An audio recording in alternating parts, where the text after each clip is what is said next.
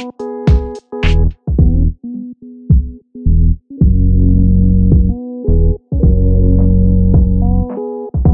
Sådär, välkomna ska ni vara tillbaka till Vem är rädd för John Weine? Nu är vi tillbaka igen. Här på Weine-redaktionen så har vi några redaktörer som tycker att de ska få bestämma. Ja, det är ju lite deras jobb. De gör inte så mycket annat på redaktionen. Får de bestämma det de sysslar med, bestämma saker på Weine-redaktionen, då har de tydligen bestämt att vi ska ha en telefongäst i Vem är rädd för John Weine? Det är märkligt. Det är inte någonting vi brukar ha, men nu har de bestämt det, redaktörerna, och då måste vi tyvärr lyda. Så vi har vår första telefongäst någonsin. Välkommen till programmet, Janne. Ja, tjena! Tack för att jag fick vara med. Välkommen till programmet. Jag vet inte så mycket om dig. Det är bara redaktörerna som vill att vi skulle intervjua dig. Är du någon stor filmexpert? Vi pratar ju mycket om film i programmet. Du kan mycket om film kanske? Äh, expert ska jag inte säga kanske, men ja, nästan. Nära på. Sett en hel del rullar i mina dagar. Programmet tema då? Har du för förhållande till våran hjälte? Vilken är din favorit John Weine-film kan vi börja med? Ja, ja, det kan jag inte direkt säga att jag har någon där favorit. Jag har nog sett några filmer med den där John Wayne. de har jag nog gjort. Men ja, det var länge sedan. Man kommer ihåg direkt. Långt tillbaka. Numera tittar man ju bara på Netflix. Bara Netflix. Eh, det är så bra och bekvämt och man behöver aldrig veta vad man ska titta på. Man bara sätter igång det där Netflix. Och så är det någon som säger åt mig, ja, titta på det här. Ja, så gör man det och tittar på det bara. Titta på vad män säger åt en och titta på det. tycker jag är så fantastiskt. Det är modernt och bra. Ja, men eh, för att återgå till det här med John Weine. Din favorit, du har ingen favorit? John Weine-favorit? Vad, vad menar du med det? Ja, det var ju länge sedan man tittade på den här gamla, gamla filmen. Det är inte man tittar på i modern tid. Ja, John Weine. John, John Wayne har ju alltid jag sagt. Jag tror alltid faktiskt att det är det korrekta engelskspråkiga uttalet är John Wayne. Inte John Wayne utan John, John Wayne. Nu får det vara nog! Tack så mycket för att du var gäst i programmet i alla fall. Vi går vidare tycker jag. Jag vet inte varför redaktörerna ville att vi skulle ha en telefongäst. Det känns ju väldigt opassande. Olämpligt, speciellt när det är så dålig telefongäst den här Janne. Vi blockerar hans nummer hoppas jag, så han inte ringer in igen. Absolut inte ha tillbaka honom på telefon, på tråden. Fruktansvärt. Tråkig person och eh, oinformerad, ignorant, korkad. Kan ju ingenting om film, det är uppenbart. Har ingen koll på John Wayne, den bästa westernskådisen genom alla tider. Det vet ju alla. Och så kommer den här Janne in och inte koll på det. Det är så dumt så det, man blir ju förskräckt.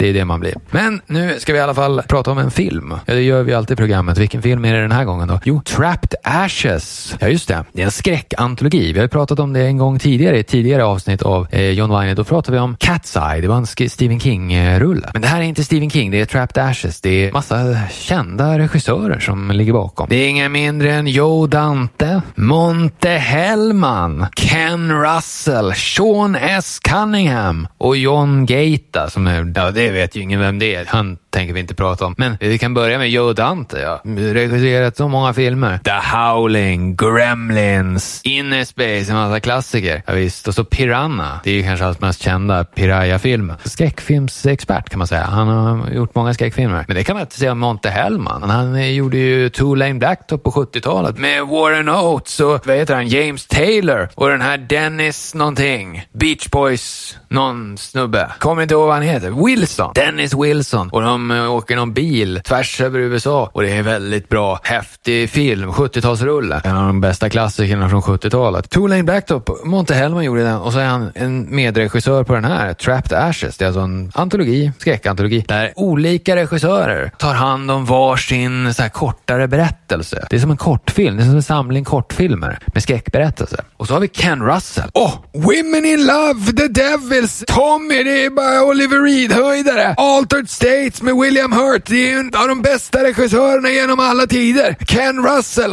Och så Sean S. Cunningham. Fredag den 13 gjorde han. Första fredagen den 13 med Betsy Palmer och, och eh, Kevin Bacon.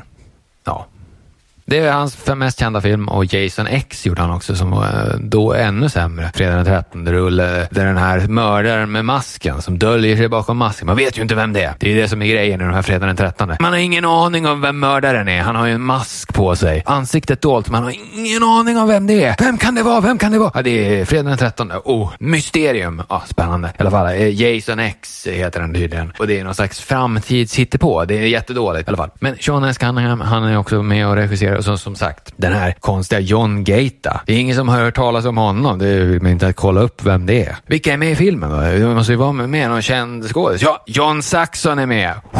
Ja, det är härligt. Det är glädjande. Man blir glad. John Saxon. Oj, hur många bra filmer har inte han gjort? Vi kan gå igenom varenda en. Det måste vi göra. Gå igenom hans filmografi. John Saxon. Ja, just det. It should happen to you. Ja, den har jag sett. En riktig höjdare. Det är ju, vad heter hon? Judy Holiday. Är det inte så? Vi ska se här. Judy Holiday. Ja, och Jack Lemmon förstås. Och Peter Lawford var med också. Och han är med, John Saxon. Det är hans första film. Han dyker upp i en park. Han är väldigt ung, men man ser att det är han ändå. Gjorde han naturligtvis en långt eh, uppehåll här. Det var 1954, men sen eh, kommer det här The Unforgiven med Burt Lancaster och vad heter hon? Audrey Hepburn förstås. Och sen eh, War Hunt. Ja, det är någon krigsfilm. Jag tror att det är med Steve McQueen. Nej, det är det inte. Det är inte Steve McQueen. Det här är med Jan Saxon, han som spelar huvudrollen faktiskt. Cindy Pollack, som också jobbat mycket som regissör. Han var med i War Hunt. Och så Tom Skerritt, som alla kommer ihåg ifrån Alien. Riktig höjdarskådis. Och MASH var han med också, en bra film. Och eh, The Dead Zone, den bästa Stephen King-filmatiseringen med Christopher Walken. Och Robert Redford var med i den här War Hunt från 1962. Robert Redford, är tråkig skådis ändå. Han är väldigt så här, påstått vacker, men eh,